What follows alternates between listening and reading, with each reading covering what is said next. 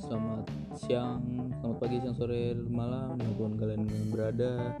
Eh, pendengar setia The Pengangguran, kritik untuk mereka episode ketiga ini. Sebenarnya gue udah nggak bisa pakai episode ya karena gue yang jelas pertama gue mengkritik, jadi gue tidak membuat season dari kritik ini. Jadi masa gue uh, bikin uh, berapa episode untuk mengkritik orang nggak? Jadi gue biarkan judulnya tidak ada episode karena ya ini uh, ya menjurus kepada kritikan gitu dan untuk membuka opini kalian mereka semua untuk membuka opini mereka lu semua yang mendengarkan gue hari ini Sabtu 13 April 2019 jam 2 lewat 21 uh, eh, gue sendiri gue masih sendiri ya tentu. Jadi gue setiap lima kali eh, lima lima lima lima episode atau lima siaran gue akan mengundang orang. Pokoknya setiap lima topik yang gue bahas gue akan mengundang satu orang untuk gue ajak diskusi bersama. Uh, topiknya lebih berat daripada gue uh, siaran di kehabisan ide karena kita kehabisan ide kan uh, topiknya lebih ke pop culture dan lain-lain. Untuk topik kali ini gue akan membahas tentang ya uh, gue sempat ngeliat seseorang di Twitter dan panutan gue panutan dalam sepak bola gue coach Justin Laksana juga nge-retweet ini dan memberikan opini yang menurut gue sangat uh, tajam dan uh, bagus bagi gue karena ya uh, orang ini tuh kritik asal gitu. Jadi topik kali ini gue akan membahas tentang kritik lo itu sampah nggak ada nggak ada gunanya. Kalau kritik gue misalkan gue mengkritik seperti kemarin-kemarin itu gue bilang karena itu keresahan gue jadi gue bilang kritik gue emang juga sampah karena gue bukan kritik yang membangun. Jadi gue jelaskan lagi ya kritik membangun dan kritik yang sampah. Kritik membangun berarti uh, lu mengkritik dan lu memberikan saran gitu.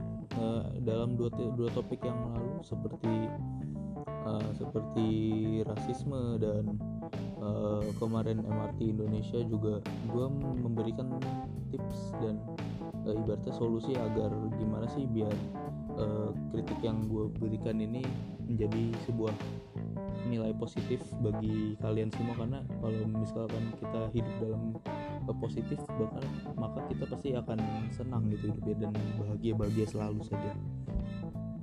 Oke, jadi gue melihat seseorang ini di Twitter, tentu dia mengkritik uh, sebuah partai yang bisa kita bilang uh, uh, pemimpinnya minoritas dan uh, gue nggak akan sebut nama karena gue udah mulai menyangkut legal ya di sini. Karena gue uh, legal to uh, illegal to say dan not legal to say juga. Karena gue takut uh, bisa di take down podcast gue jadi ada uh, mungkin kalau kalian lihat Twitter tau lah. Jadi ada partai di Indonesia yang dipimpin oleh minoritas. Dan dia sedang mencoba untuk masuk ke parlemen lah sekarang ibaratnya dan ya mereka melakukan segala promosi yang mereka lakukan agar mereka bisa uh, ibaratnya mereka bilang membuat perubahan di parlemen.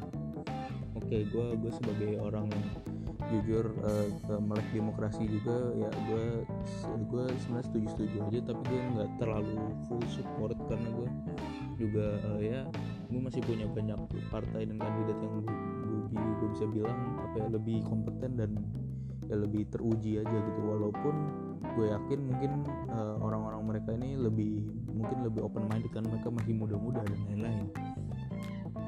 Satu orang ini di Twitter ini yang bisa kita bilang seleb tweet lah ya karena followernya juga lumayan banyak dan mungkin kurang job kali atau gimana. Jadi dia mulai ngerecok ngerecok bahkan ngefitnah partai ini. Jadi ya dia bilang bahwa uh, jadi dia ngekritik partai ini kenapa nggak sangat tidak kompeten dan sangat tidak uh, benef uh, bonafit ya untuk uh, run as the parliament maksudnya run the parliament. Maksudnya kita apa ya menjalankan DPR dan lain-lainnya.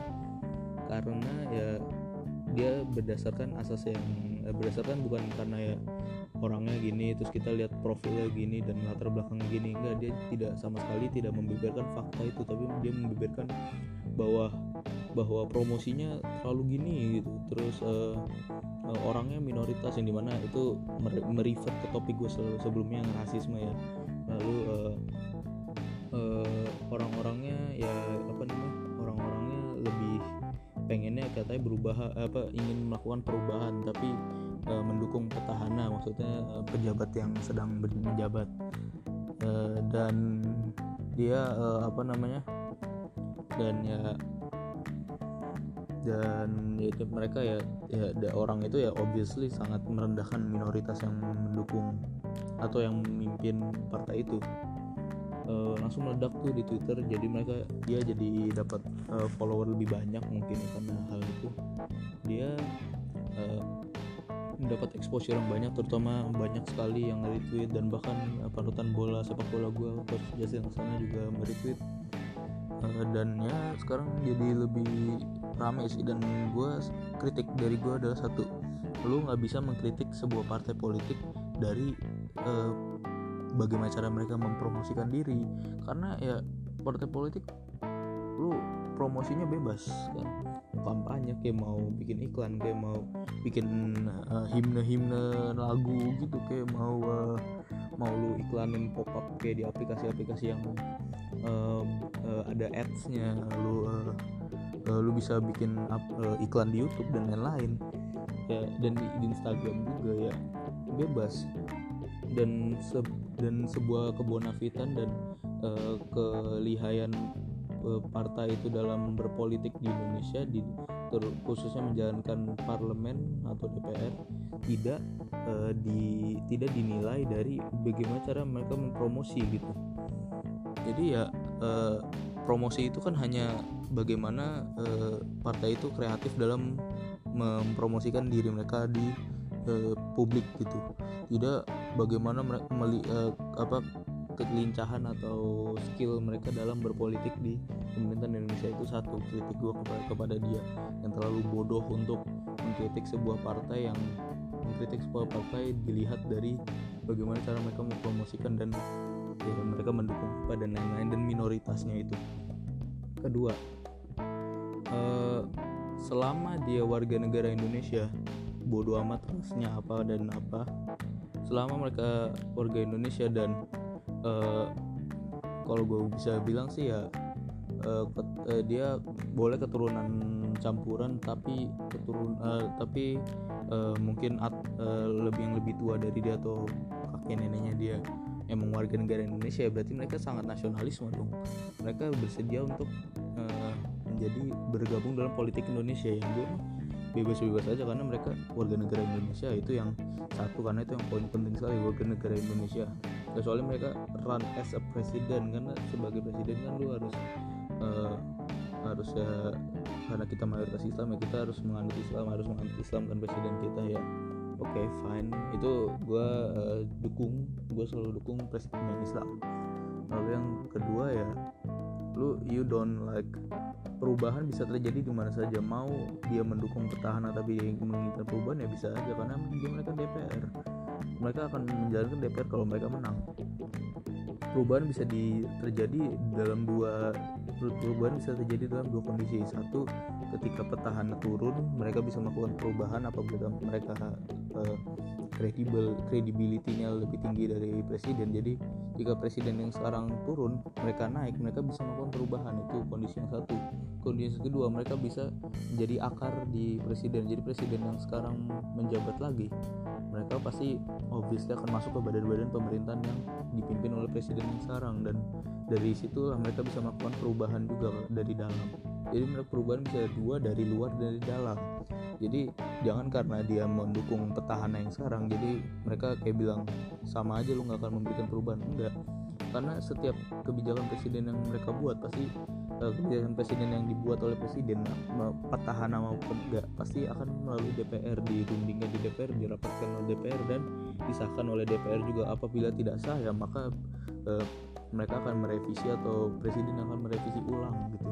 Jadi ya nggak selamanya kalau perubahan itu harus ganti presiden enggak presiden yang sekarang menjabat lagi dan uh, partainya melakukan perubahan dari dalam itu bisa sama uh, kesempatannya sangat tinggi sekali. Minim mungkin ada sekitar 70 sampai 90 persen bisa terjadi. Tergantung apabila presidennya ya uh, let's say kita bilang waktu orde baru ya ya kita nggak bisa karena ya walaupun partainya gitu-gitu aja dan ya pasti ya uh, presiden kan sangat diktator dan ya udah tapi sekarang alhamdulillah konstitusi kita kan uh, demokrasi banget. Jadi ya uh, perubahan itu most likely bisa terjadi. Kritik gue yang kedua itu. Kritik gue yang ketiga. Jangan karena minority minority dan lu merasa mayoritas jadi mayoritas yang lebih berhak mendapatkan kursi. Enggak. Selamanya enggak. Kenapa? Karena eh, apa ya let's kita ambil dari negara luar kita ambil dari eh, Amerika Serikat ceritanya. Amerika Serikat waktu awal-awal masih menjadi koloni Inggris kita bilang. Jadi orang Inggris banyak yang datang ke Amerika eh, Zebra gitu-gitu dan ya udah mereka uh, mereka ya tinggal di Amerika dan mereka merasa bahwa mereka adalah orang Amerika sama seperti orang Indian yang meninggal, yang tinggal di Amerika. Mereka uh, mereka uh, ya mereka karena dianggap sebagai mereka udah punya berapa keturunan dan orang Inggris menganggap mereka sebagai minoritas lah kita anggap sebagai minoritas. Mereka menginginkan uh, representatif. Jadi uh, kita tidak akan memberikan kalau kalian pernah belajar sejarah mungkin uh, mereka tidak akan memberikan pajak apabila tidak ada representatif. Jadi uh, ya lu bayangin aja jadi ada di Indonesia ada minoritas tapi mereka tidak punya representatif untuk uh, pemerintahan berarti sama aja kayak lu membungkam mereka untuk uh, ber, mempunyai hak suara. Karena kalau mereka bersuara kalau mereka bersuara kan pemerintah belum tentu bisa mendengar mereka. Jadi mereka membutuhkan sarana atau salur yang saluran yang jadi mereka punya uh, minimal berapa lima orang uh, lima orang perwakilan representatif untuk parlemen dan orang dari itu mereka bisa berkomunikasi dengan uh, masyarakat minoritas mereka. Jadi ya menurut gue nggak fair aja kalau lu mengecap bahwa kursi parlemen itu hanya untuk orang mayoritas. Itu nggak nggak banget gitu. Jadi uh, lu harus lihat juga bahwa minoritas itu sangat penting juga. Karena minoritas secara kan juga sebuah seorang manusia juga. Dan dia juga perlu keadilan perlu hak asasi manusia juga. Sama kita balik lagi misalkan ke Amerika. Mereka mendapatkan uh, representatif. Oke mereka representatif dan lain-lain. Akhirnya mereka uh, terbuka dan lebih pintar dan akhirnya mereka uh, menulis Declaration of Independence dan hingga sampai sekarang mereka sudah merdeka. Lalu uh, banyak lagi dan yang lain-lain. Seperti uh, apa ya seperti banyak sih yang sekarang di negara-negara parlemen itu mulai dimasuki oleh orang Islam yang di mana uh, representatif dari orang minoritas di negara itu lalu uh, banyak lagi dan uh, yang di Amerika sekarang mungkin dulu uh, dulu orang putih semua terus masuk Barack Obama uh, first black president in United States yang jadi yang membuka bahwa Black Lives Matter, Black People Lives Matter dan itu kan menjadi uh, saluran pembic uh, apa ya, saluran untuk mengeluarkan suara orang-orang African American yang berada di United States. Ya jadi representatif dari mereka lalu ada uh, uh, di United States membuka juga untuk lima orang atau dua orang Indian like pure Indian mereka dari reservation yang sudah diberikan. Jadi pemerintah United States memberikan tempat untuk Indian di sebuah komplek yang sangat besar banget. Itu wilayah untuk mereka untuk mereka tinggal dan lain-lain dan mereka diberikan representatif agar kenapa? Agar masyarakat mereka masyarakat minoritas mereka bisa memberikan uh, suara kepada pemerintah United States. Walaupun pemerintah United States yang bisa kita lihat ya agak represif terhadap suara gitu yang sekarang ya. Namun ya suara mereka tetap be, tetap ya matter atau tetap tetap penting bagi pemerintahan itu. Karena ya untuk bem, untuk membaguskan servis mereka lagi atau jasa mereka kepada masyarakat masyarakat itu oke kita kembali ke kritik gua kepada itu ketiga itu minoritas. Dan terakhir adalah uh, ayolah ini pesta demokrasi yang sangat bagus itu. Jangan karena ya uh, jangan ya karena lu uh, misalkan kan dia mendukung petahana pada yang di, yang dia kritik adalah mendukung petahana. Jadi ya lu menjelek-jelekan mereka. Nah, berarti secara tidak langsung kita bisa mengkonklusikan bahwa lu mendukung uh, uh, pendukung berarti lu oposisi kan? Berarti lu uh, ibaratnya presiden yang baru lah gitu ya kan? Calon presiden yang baru bukan presiden calon presiden yang petahana sekarang menjabat. Itu malah membuat lu menjadi mengurang dari pendukung ya karena gue lihat karena orang pasti melihat yang masih swing voter ya masih masih melihat kayak ya pendukungnya aja kayak gini ngapain gue dukung gitu? Gue dukung petahana aja. Nah gitu. Jadi ya lu jangan membuat image uh, pendukung yang sama kayak lu menjadi jelek gitu. Karena banyak banget yang uh, pendukung. Menurut gue presiden yang akan menggantikan misalkan presiden yang ingin menggantikan presiden yang sekarang itu visi mereka visi mereka bagus misi mereka bagus. Pro uh, produk yang ditawarkan bagus broker yang ditawarkan bagus. Cuma pendukungnya sampah semua. Itu yang gue back backfire ke lu sendiri. Karena jangan sekali-sekali mengkritik kalau lu nggak tahu apa-apa. Jadi itu bakal bakal backfire ke lu sendiri. Ingat itu. Kritik yang belum lu riset dulu bakal backfire ke diri lu sendiri. Jadi ya udah segitu aja dari gua. Jangan jadi ibaratnya mungkin apa ya kalau gue bilang ini kritik sampah ya ini kritik sampah. Tapi gue ada solusinya membangun. Jadi ya uh, eh, gue bisa membuka pikiran lu dengan tadi gue membeberkan bahwa kalau lu kritik kayak gini kritik ini sebenarnya uh, lu jangan ini ini ini ini, nah itu kan gue membilang bahwa lu jangan sekali-sekali kayak gitu karena itu solusi gue agar lu bisa membenahi kritik lu selanjutnya gitu. Jadi kritik gue bukan kritik sampah tapi kritik gue adalah kritik membangun gitu. Jadi ya kalau lu mendengarkan ini ya cermati. Kalau bisa bikin catatannya dan ya udah ibaratnya lu jangan kritik asal karena lu harus riset riset riset riset karena riset membuat kritik lu jadi lebih pintar dan lu nya juga ikutan pintar. Oke sekian dari gua. Udah panjang lebar banget nih ngomongnya.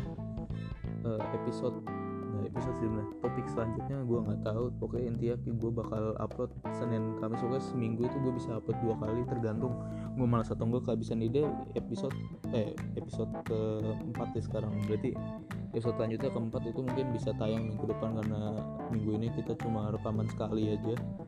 Dua kali pas kali dua kali. Cuma rekaman dua kali doang minggu ini. Uh, maksimal dua kali kenapa? Karena ya kita juga punya kesibukan lain walaupun kita pengangguran ya. Oke lah jangan lupa follow juga di Spotify udah up.